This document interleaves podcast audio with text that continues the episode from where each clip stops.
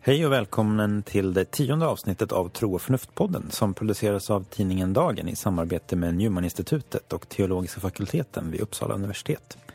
Jag heter Kristoffer Skogholt och med mig har jag Erik Åkerlund. Idag ska vi prata om Magnus Abrahamssons avhandling Jesu uppståndelse som historiskt problem. En studie av Rudolf Bultmans och Wolfhard Pannenbergs tolkningar. Så varmt välkommen till podden.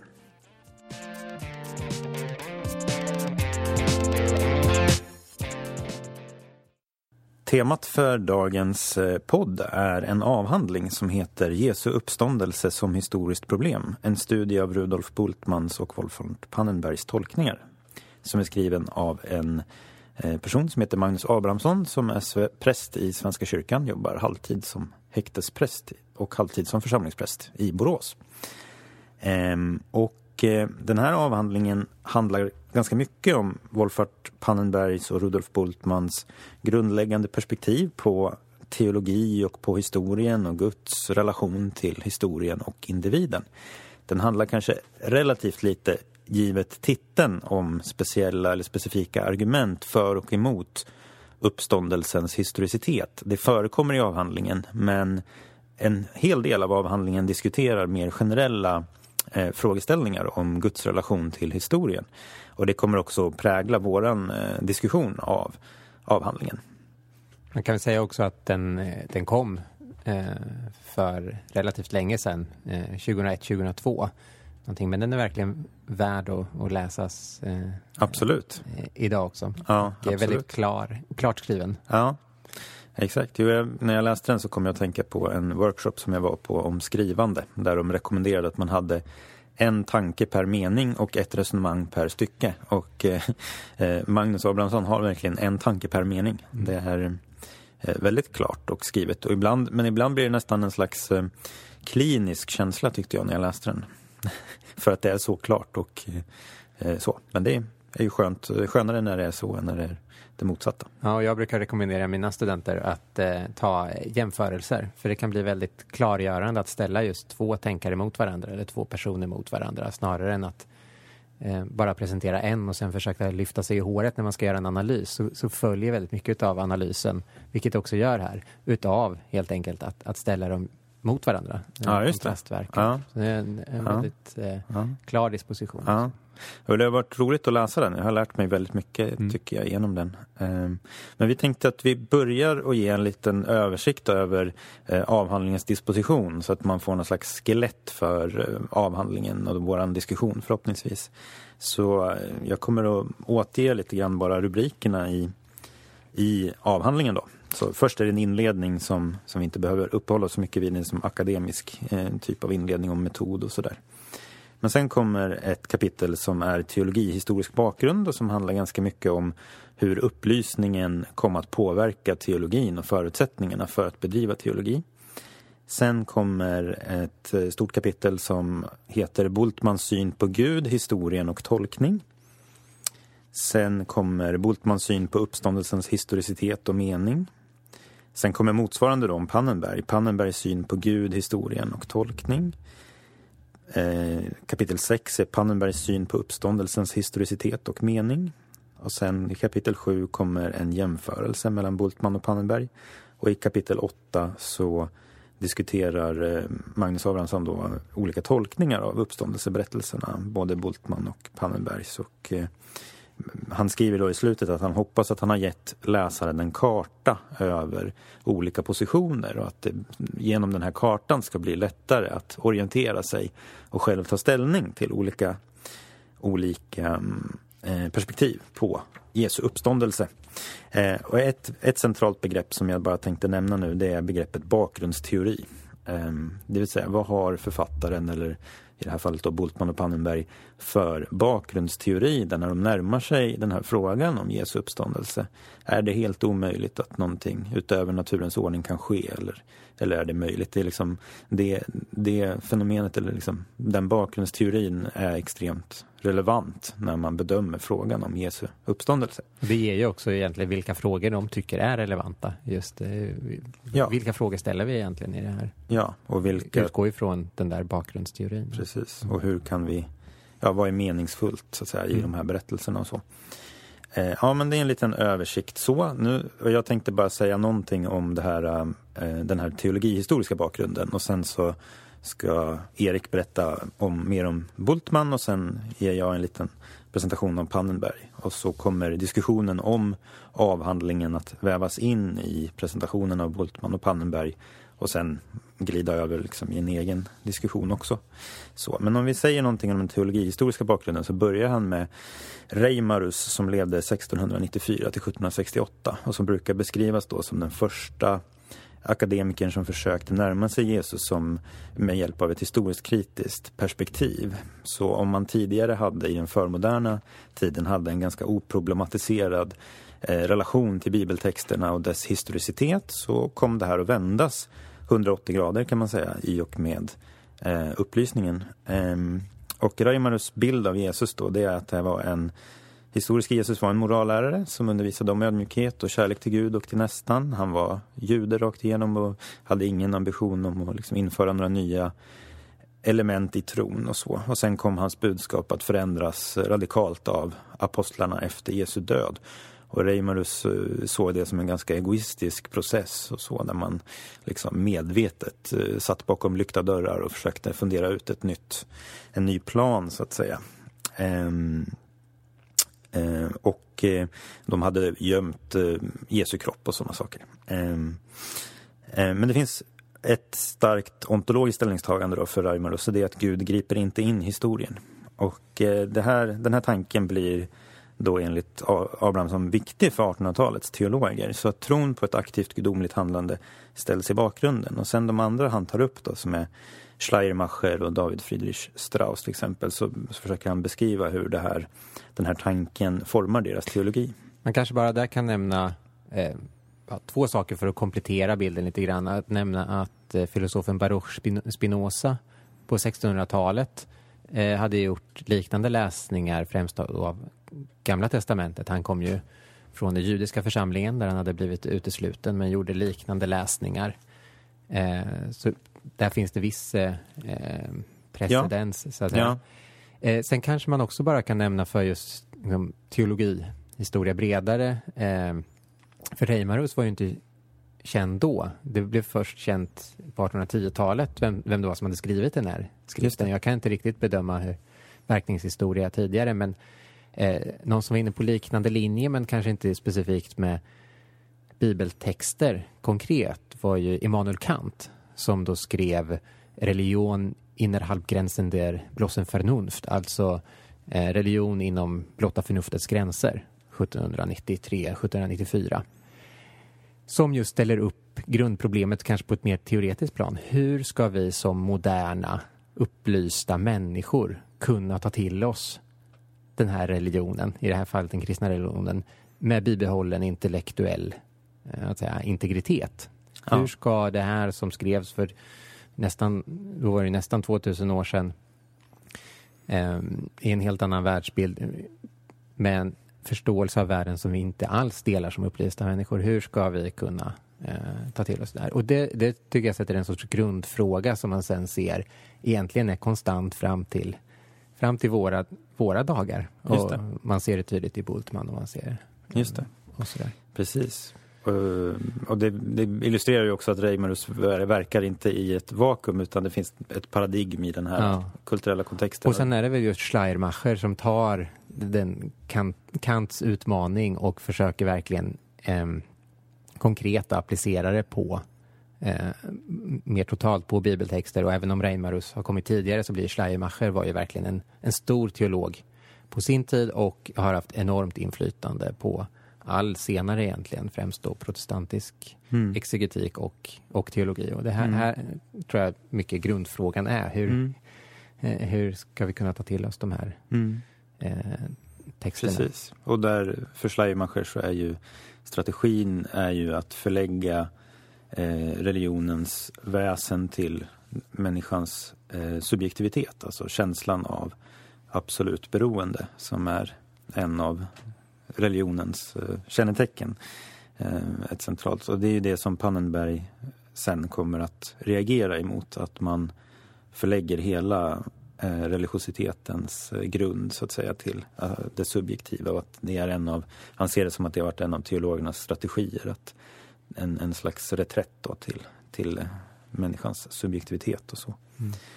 Eh, precis, men Schleiermacher säger så här, under är det religiösa namnet på en händelse. Och um, hans um, distinktion mellan den kronologiska historien och den meningsfulla historien uh, gör att den kronologiska historien är inte så viktig utan det är den meningsfulla, tolkade historien som är, som är det centrala. Vi kanske kan komma tillbaka till, till vad heter det, den här det här påståendet under är det religiösa namnet på en händelse. För det finns ju någonting väldigt intressant och sant, skulle jag säga, i det påståendet. Även om jag tycker att det inte säger allt, så att säga. Mm. Eh, så sista eh, personen här då i hans persongalleri som jag tänkte ta upp av de här eh, innan jag ska nämna någonting om Trölsch, det är David Friedrich Strauss som kommer lite efter Schleiermacher då, som menar att eh, Schleiermacher gick inte tillräckligt långt. Och Eh, Strauss eh, går ju så långt så att han liksom hävdar att vi måste lämna den kristna tron. Vi kan inte omtolka den utan vi måste lämna den. Och han eh, ansluter sig till en dialektisk materialism. Och, eh, men det är senare i livet. Han skriver ja. den här Jesu liv. Han skriver ja, Jesu där 1835. Man får tänka bara, bara 27 år gammal. Ja, och sen reviderar han det. Och i, i, varje version så går han väl längre och längre åt att eh, ta, ta, bort det man kan se som element av eh, kristen tro i, Just det. Eh, Just det. i sitt tänkande och hamnar då precis där du sa, eh, 20-30 år senare. Mm. Mm.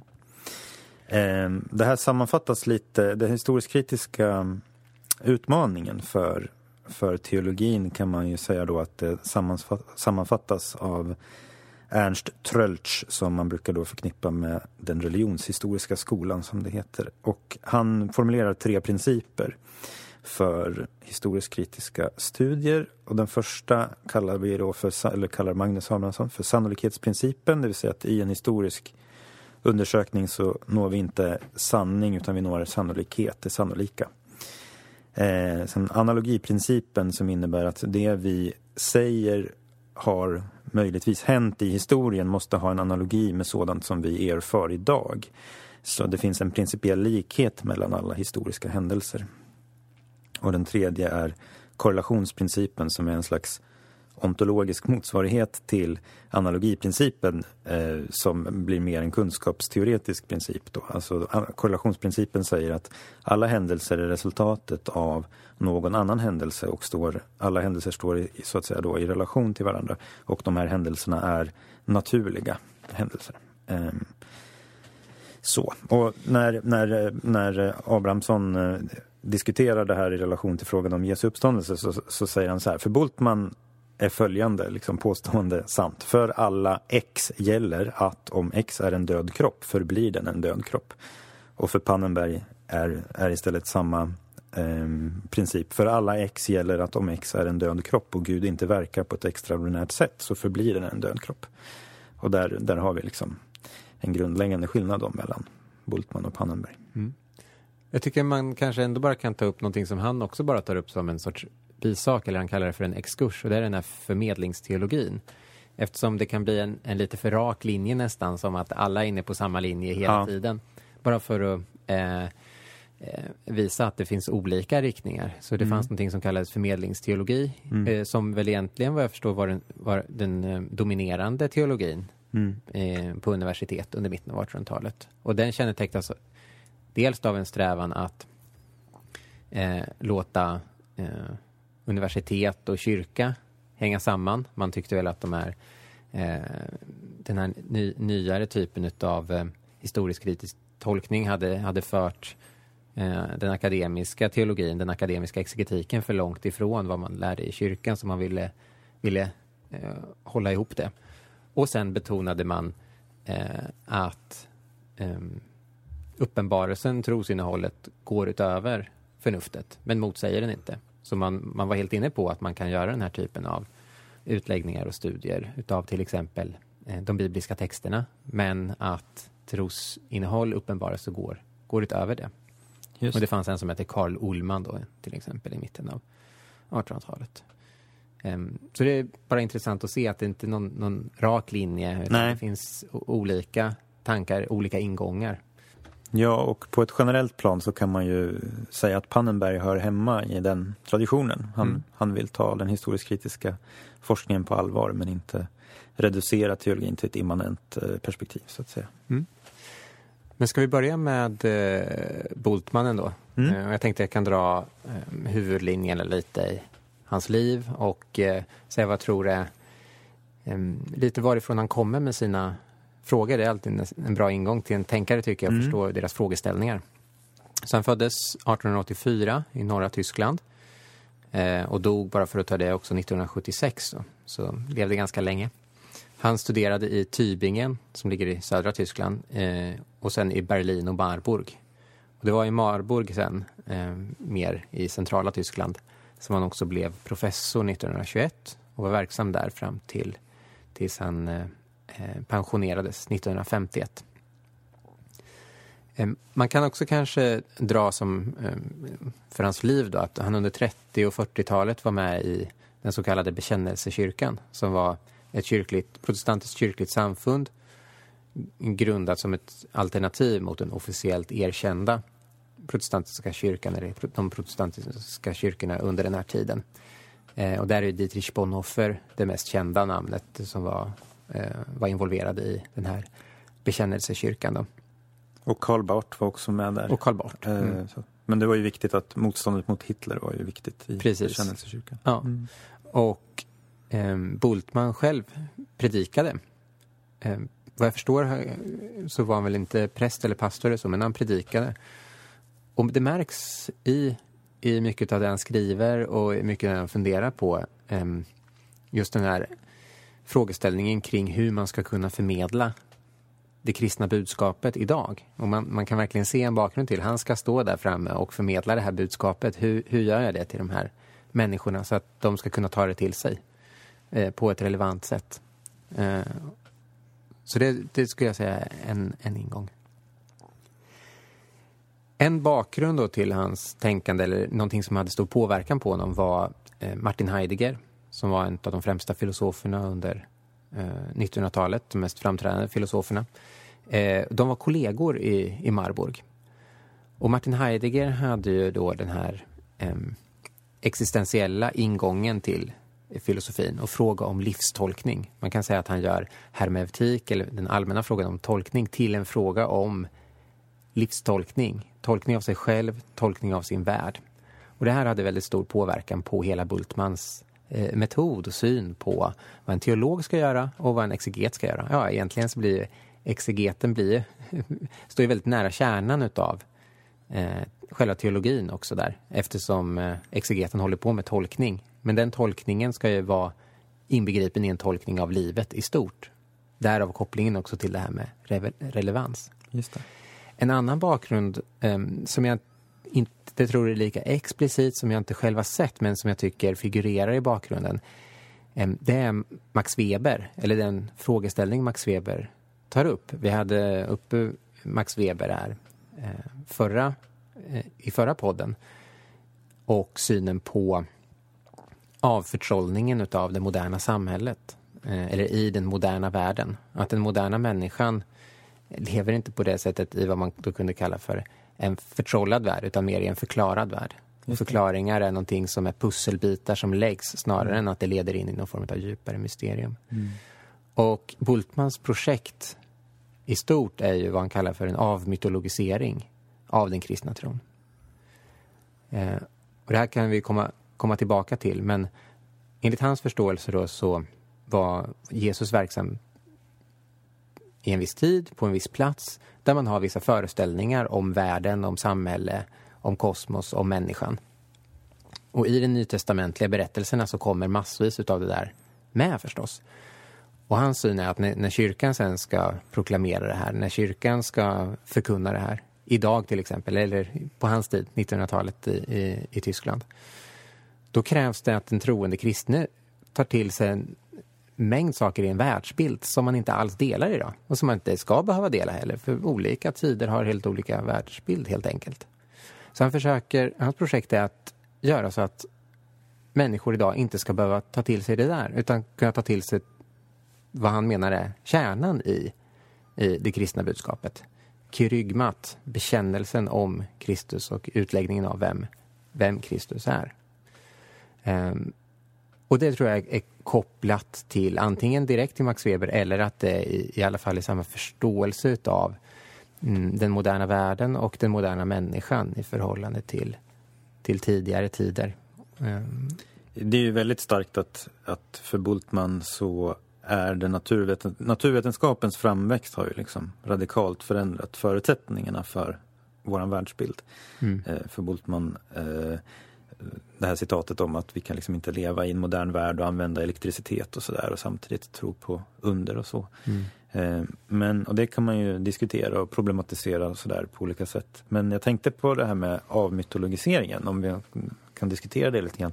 För det, det, det som han eh, verkar vara ute efter är ju då att, att eh, budskapets innehåll måste på något sätt kunna frikopplas från dess form. Och att det finns en risk att vi inte ser innehållet för att vi är så stirrar oss blinda på formen.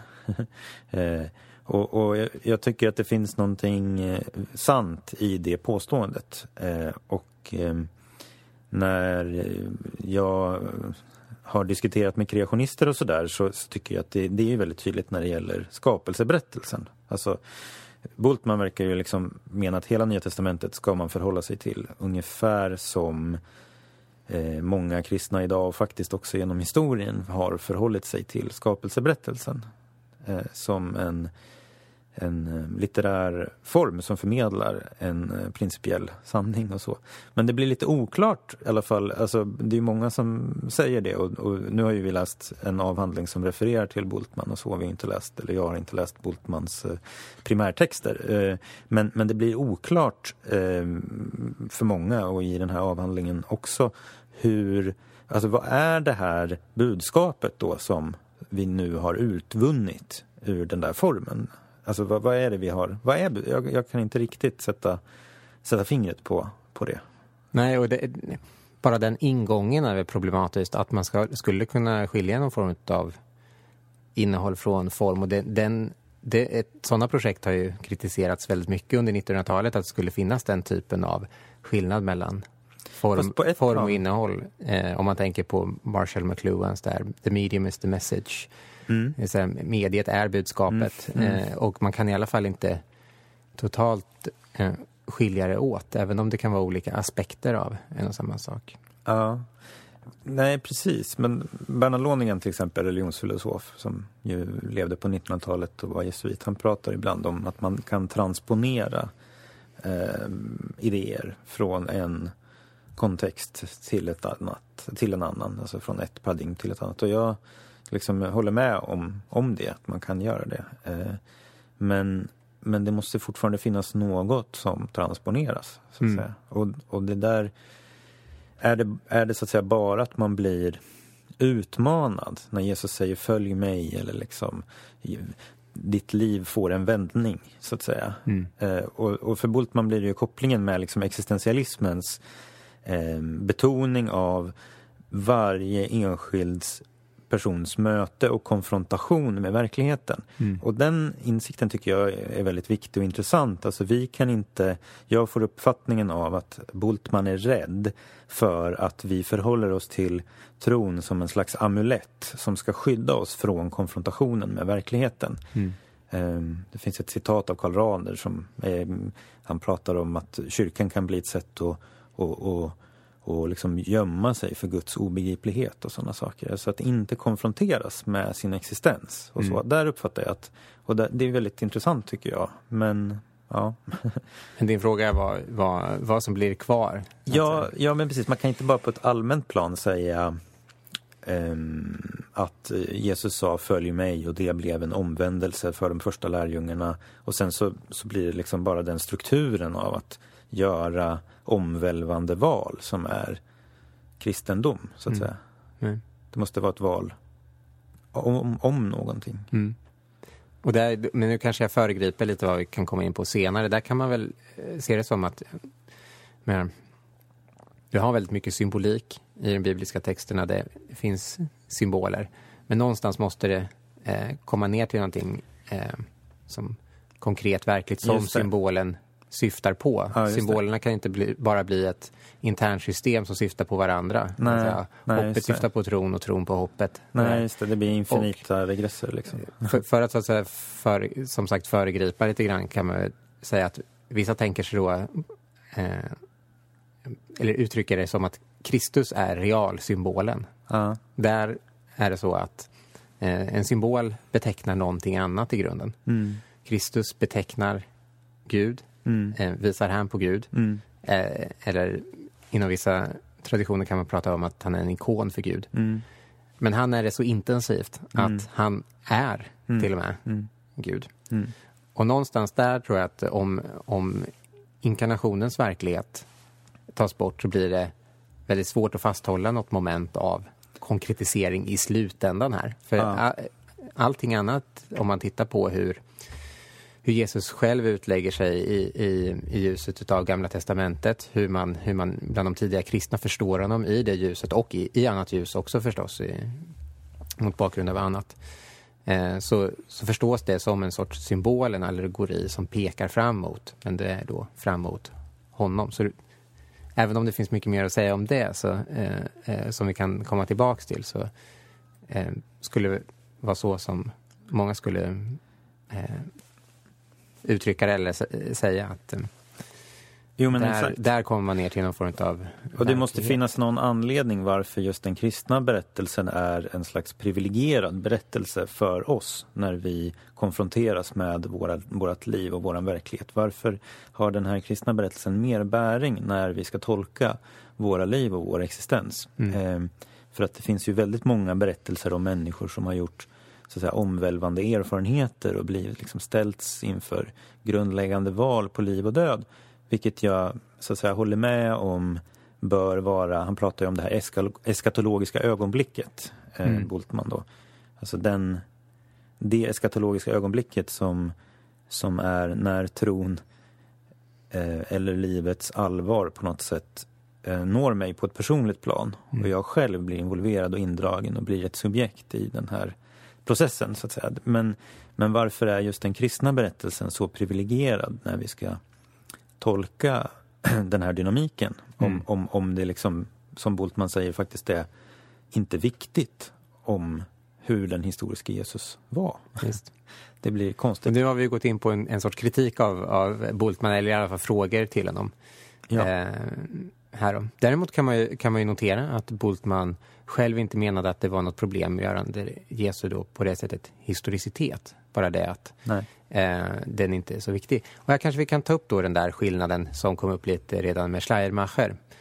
Eh, för Schleiermacher så handlar det om en, en eh, skillnad mellan vad han kallar för kronik å ena sidan och Geschichte å den andra sidan. Och kronik ska här tänkas som en sorts kronologisk redogörelse för vad som har hänt eh, det och det året. En, helt enkelt en sorts uppräkning av objektiva fakta rörande vad som har skett olika år. Medan Geschichte har att göra med vår utläggning utav det, vår förståelse utav det egentligen. En sorts berättelse mer över, över den här historien. Och en liknande uppdelning gör man gör det Bultmann och man gör det senare mellan historie och, och å ena sidan och Geschichte. Alltså på vanlig tyska så är det väl så att historie är ungefär som vårt historia, att berätta en historia. Och Geschichte är, är då historia i en, en mening av världshistorien till exempel. Men eh, Bultmann och andra har använt det på ett lite annat sätt då, att historie är just den här uppräkningen av objektiva fakta som har skett under olika år. Eh, medan Geschichte eh, är mer vår utläggning, vår berättelse om, om detta. Till exempel så kan man prata om Heilsgeschichte, alltså frälsningshistoria. Då är det någon, någon, en berättelse som har en, en bäring på oss också, inte bara en uppräkning över saker som har, som har hänt. Och för att då komma tillbaks till det här med eh, fråga om historicitet till exempel, så menar ju Bultmann att om man kan klarlägga att eh, en, en person som, het, eh, Eh, som hette Jesus levde då och då, där, där och där, under de förhållandena och så vidare. Men han menar att det har ingen, ingen som helst relevans för tron eller troslivet. Utan det som har relevans är den här Geschichte och eh, berättelsen om det här. Och speciellt vad han kallar då för eh, kerygmat som, som är proklamation eller en, en bekännelse till eh, grund, de grundläggande kristna bekännelserna eller den grundläggande kristna bekännelsen. Som mycket handlar just för honom om att utstava vad det, vad det då består i. Ett, ett, speciellt, ett speciellt hopp är väl som ligger någonstans väldigt eh, centralt för Bultmann som jag förstår ja, just det.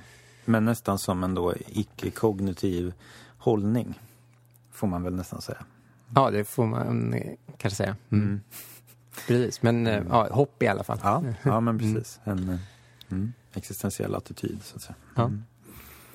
Men kanske ska gå över också bara till Pannenberg mm. och prata lite om honom, så kan vi komma tillbaka till några av de här temana. Ja. Jag kommer inte vara lika detaljerad om, om biografin kring Pannenberg, utan, men jag kommer att, att ta upp några bärande liksom, tankar och tematik i hans eh, tänkande, så att säga. Eh, Pannenberg föddes 1928 i Stettin som då låg i Tyskland men som idag ligger i Polen och han dog 2014. Eh, Pannenberg är känd som en otroligt produktiv och otroligt inläst teolog. Han eh, beskrivs ibland som en sån här encyklopedisk tänkare som liksom över, har en slags överblick över allt vetande, vilket ju inte är möjligt, men det är ändå på något sätt i den kategorin som, som man ibland sätter honom och sådär. Ehm, och eh, 1944 så höll han på att omkomma i ett flyganfall under andra världskriget eh, när han bodde i Berlin. 1945 så hade han en erfarenhet som han brukar kalla då för en, sin ljuserfarenhet när han var på väg hem från en pianolektion och solen höll på att gå ner. Och, eh, han, jag kan läsa vad han säger i en text och den är skriven på engelska. Jag kommer läsa den på engelska. While I was walking back home from school, an extraordinary event occurred in which I found myself absorbed in the light of the setting sun, and for one eternal moment dissolved in the light surrounding me. When I became aware again of my finite existence, I did not know what had happened, but I certainly knew that it was the most important event of my life. I spent many years afterwards to find out what it meant to me. Eh, så den här händelsen förblir så att säga otolkad under, under ett antal år. Ehm, och ehm, som gymnasist så kom Pannenberg i kontakt med en av hans, en av hans lärare hade varit aktiv i bekännelsekyrkan.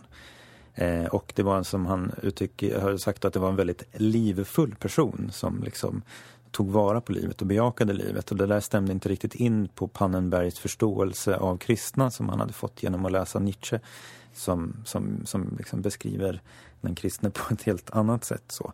Och genom den här eh, läraren så fick han en liksom, utmaning att ta eh, a long hard look at Christianity och eh, det resulterade så småningom då i att han blev kristen. Um, och han började studera teologi och filosofi och kom i kontakt med Karl Barth. Men efter ett tag upplevde han att Karl Barth var inte tillräckligt filosofiskt eh, skarp och stringent.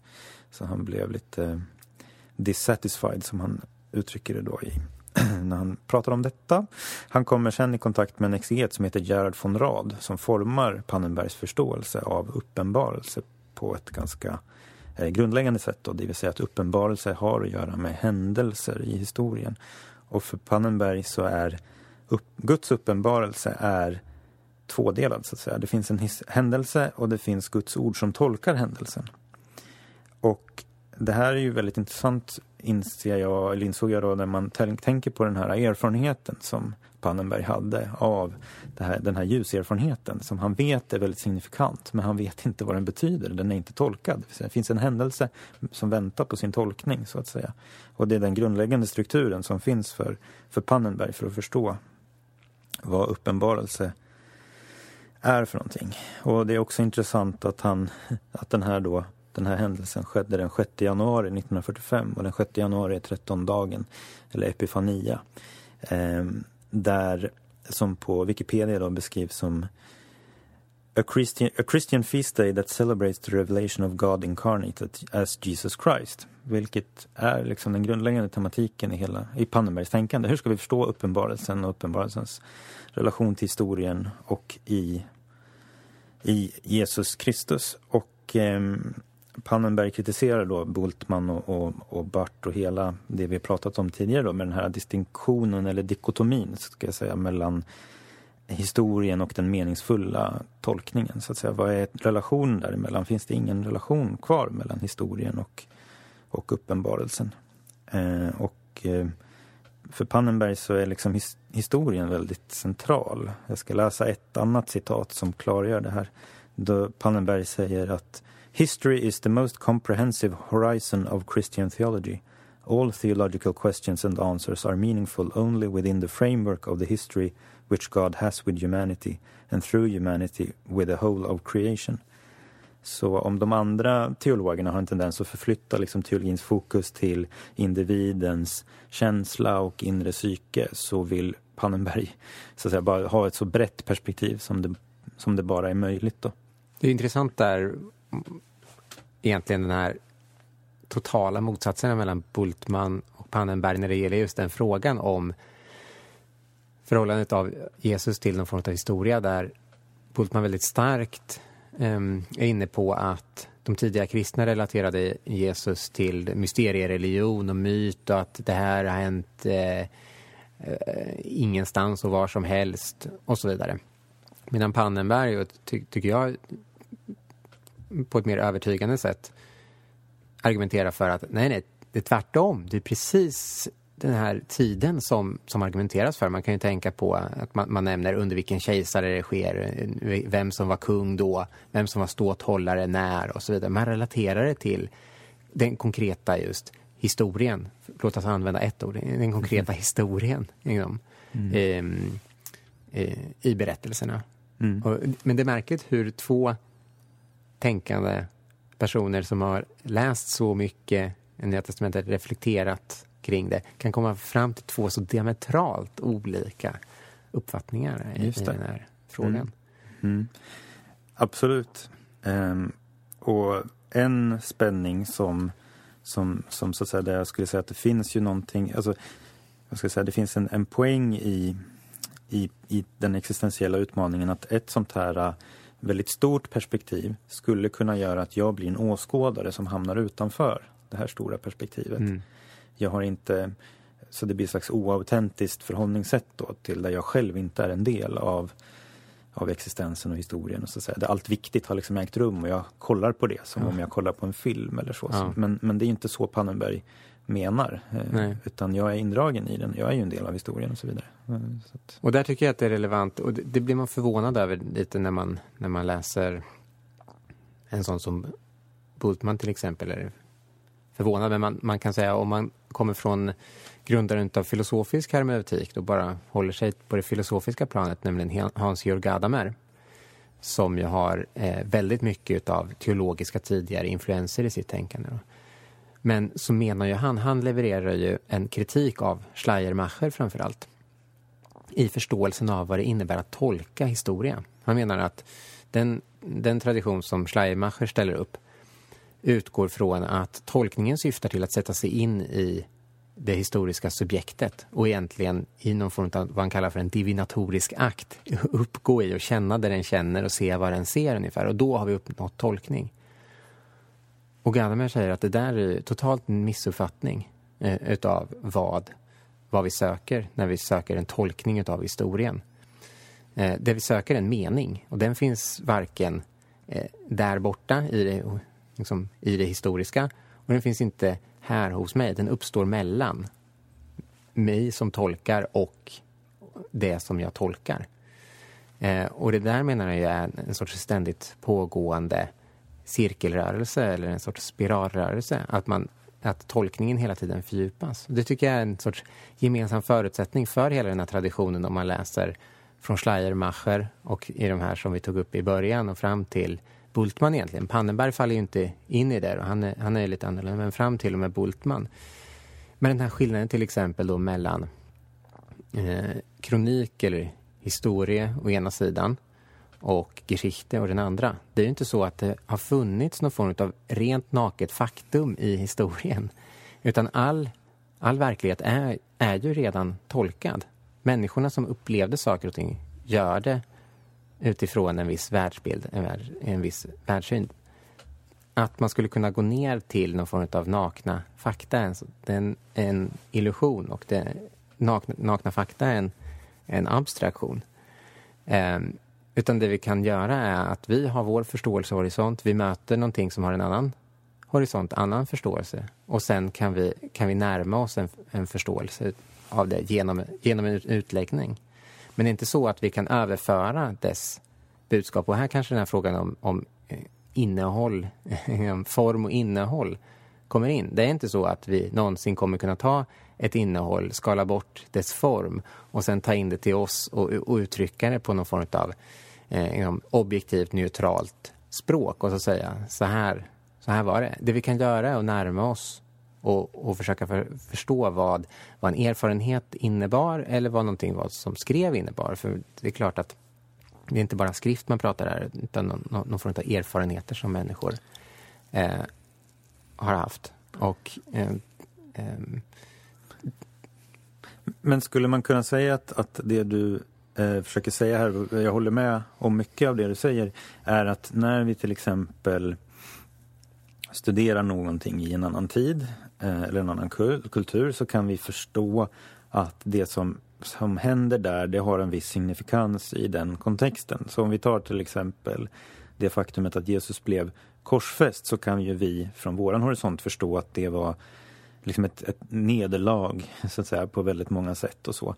Men, men eh, så som jag har förstått det så, så det, får det här nederlaget får en mycket starkare resonans därför att dåtidens judar tolkar det i ljuset av ett gammaltestamentligt eh, på ord om att var och en som hängs på en träpåle, förbannade var och en som hängs på en träpåle. Alltså det, mm. det, övergivenheten av Gud är så att säga mer tydlig för den första juden och det kan vi förstå tänker jag. Vi kan förstå att den signifikansen är specifik för det. Men den mening som, som så att säga, det, det som gör att det här talar till oss blir i mötet med detta. Um, förstår du vad jag menar där? Att det finns mm. liksom en, vi gör en slags resa till ett annat perspektiv.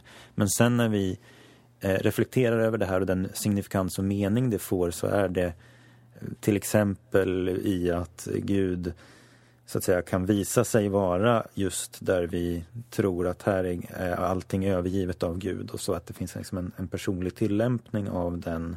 Förstår du vad jag menar där? Är det, no, är det relevant för, för din reflektion? Eller? Jo, men det tror jag. Eh, vi har ett skeende här. Kan man ta bort all tolkning i det? Nej, red, redan till, till och med när vi säger en människa hänger på ett kors så har vi redan konceptualiserat världen. Bara för att ta det Eh, det som ett exempel. Det vill säga, det finns, det finns ingen, ingen, vad man kunde säga, teorineutral eller världsbildsneutral beskrivning av någonting så att vi kan, kan hitta det där. Det har ju varit en, en, en sorts dröm i, i delar av filosofin länge, men, men Gadamer är en sån, en sån som går emot det.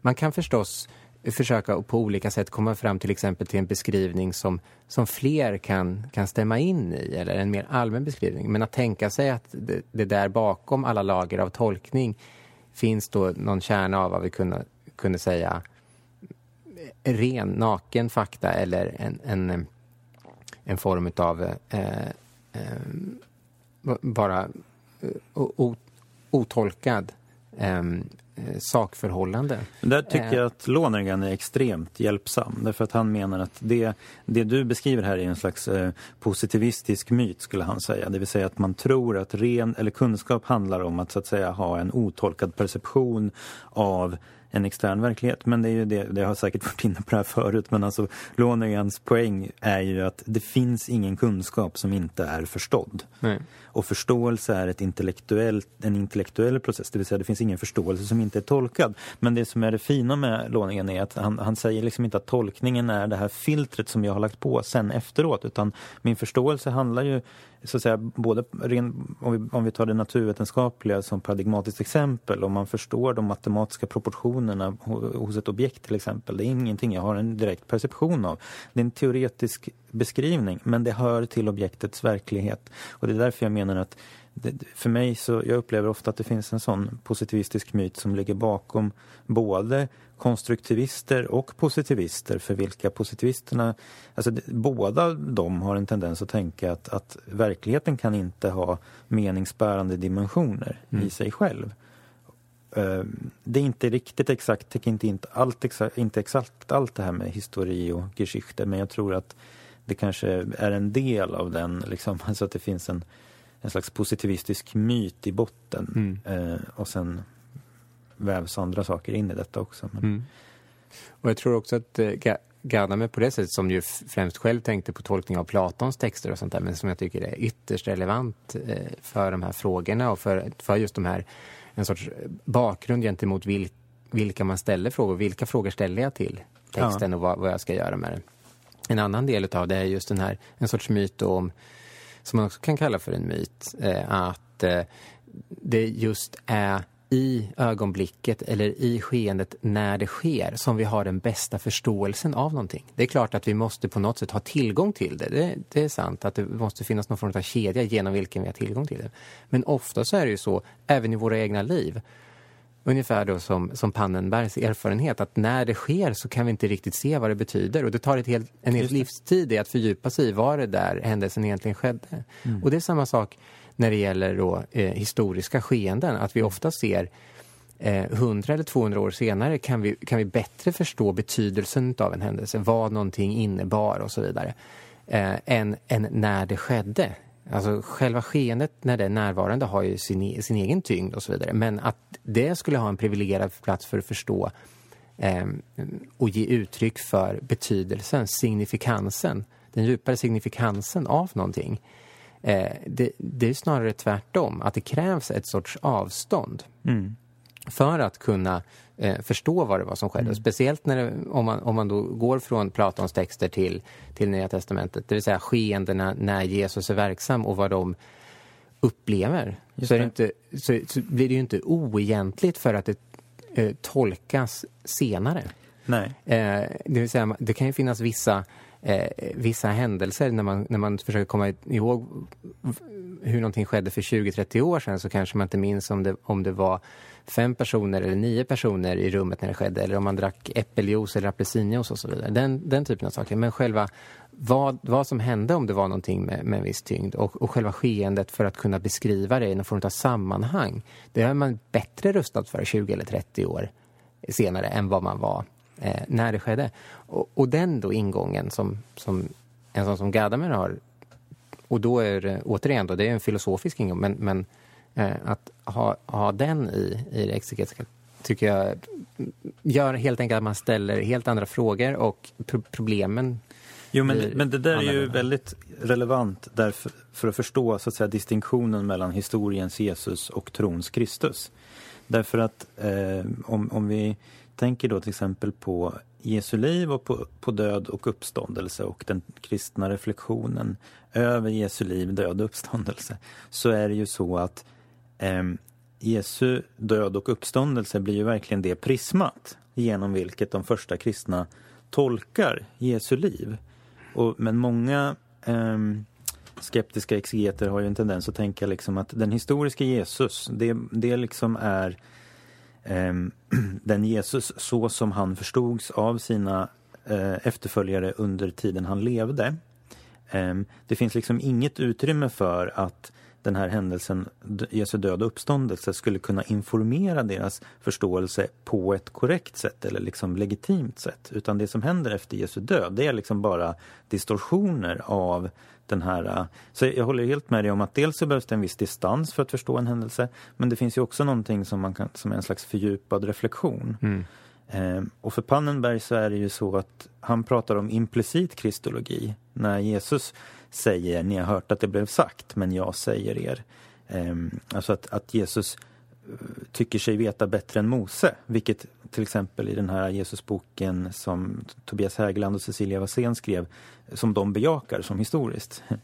Ehm, det, det är så att säga ett auktoritetsanspråk i det, implicit, mm. som, som är att man då är liksom i paritet med den som är lagens upphovsman, det vill säga Gud. Mm. Och, och, och, många sådana där då skeden som, som, som, som, som är gestaltar anspråk men inte nödvändigtvis eh, beskriver de här anspråken. Mm. Och när de då tolkas i ljuset av uppståndelsen, för uppståndelsen menar Pannenberg då, det har dels eh, så att säga berättar detta, eller signifikansen av detta är att Gud upprättar Jesus och säger han hör, med, han hör med, till mig. Liksom. Mm.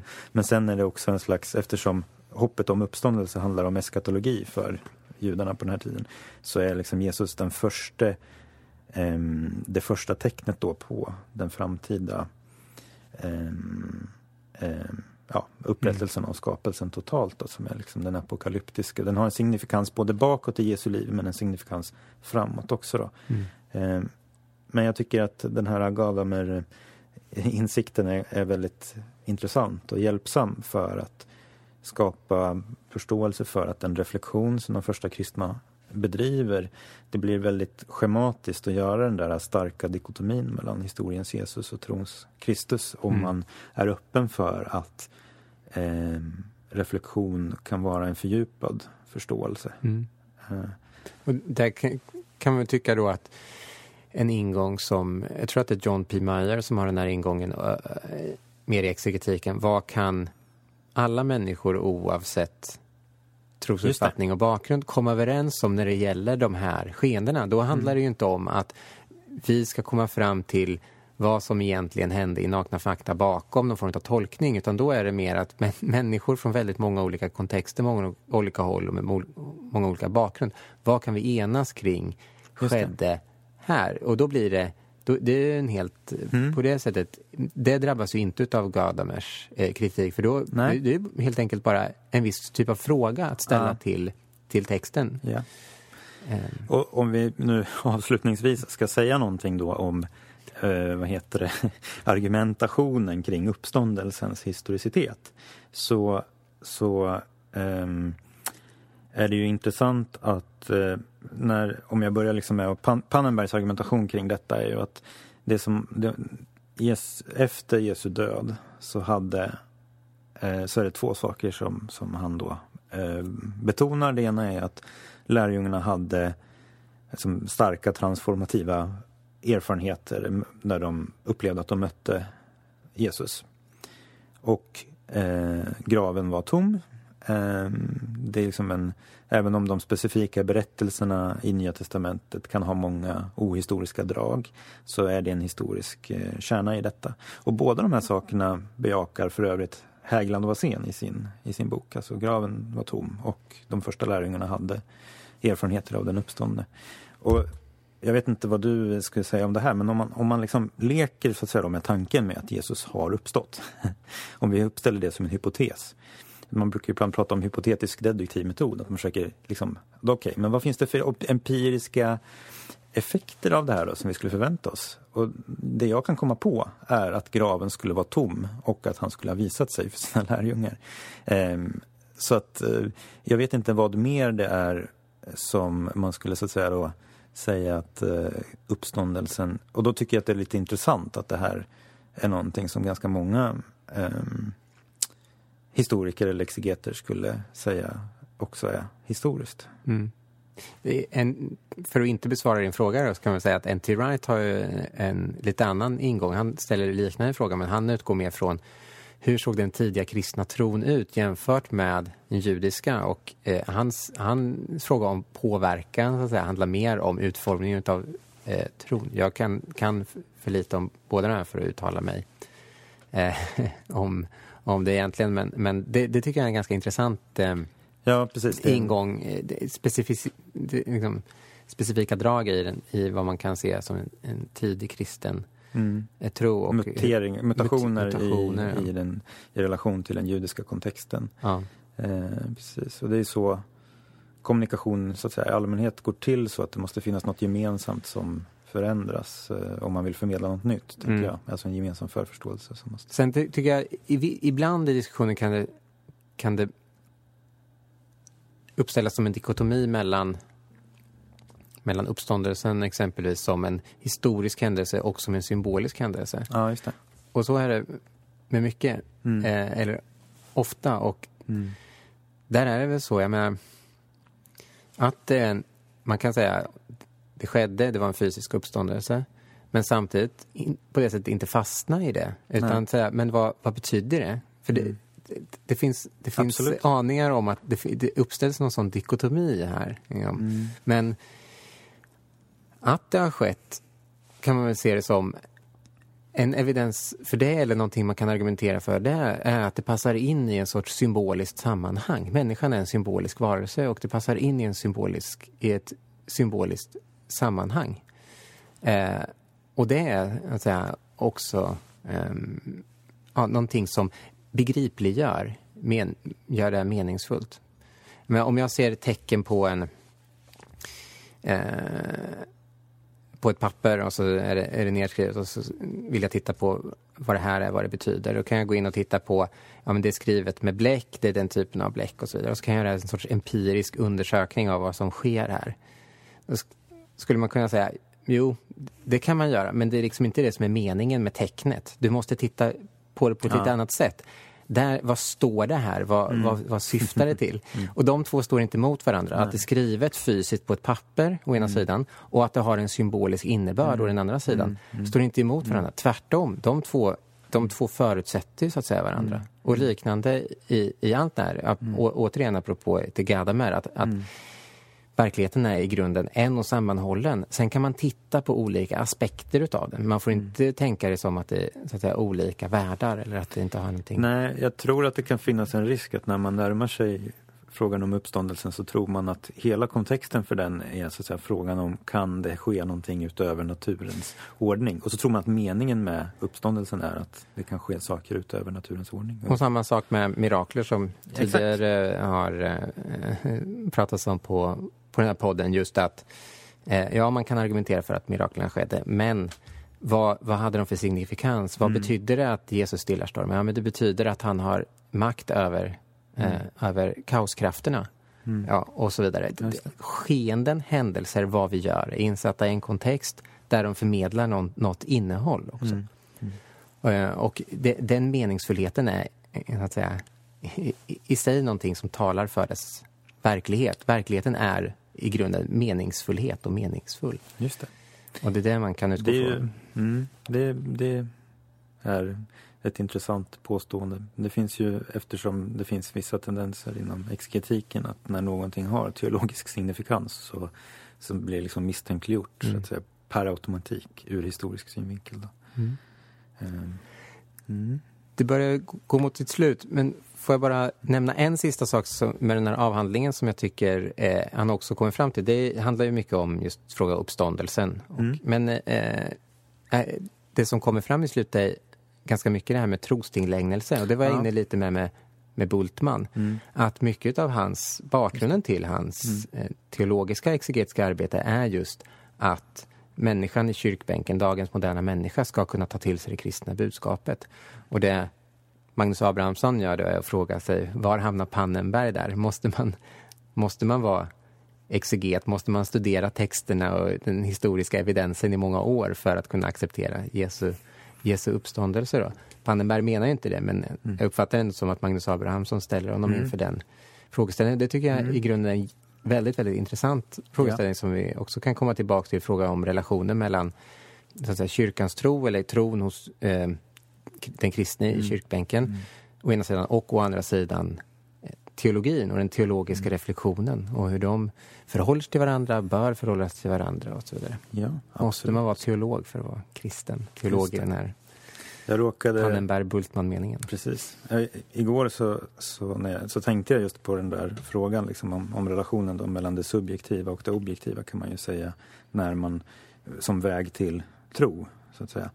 Eh, och då så slog jag upp på måfå i den här, um, Gerald O. Collins har skrivit en bok som heter Rethinking Fundamental Theology. Visst är det O. Collins han heter?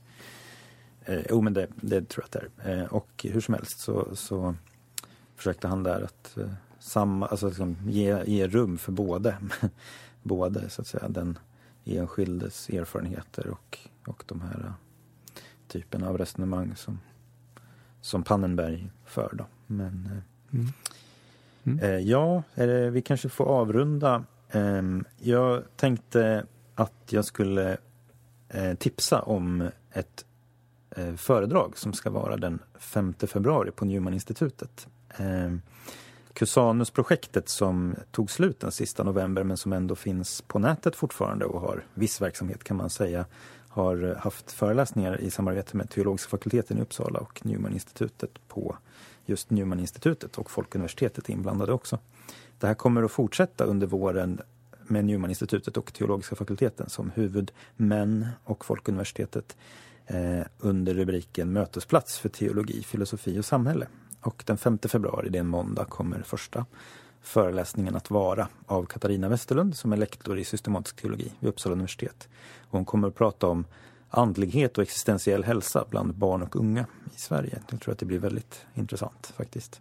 Tack så mycket för att ni har lyssnat och som vanligt så får ni väldigt gärna eh, skriva frågor eller skicka annan typ av respons på Facebook eller på e-post. Så hörs vi snart igen. Tack så mycket.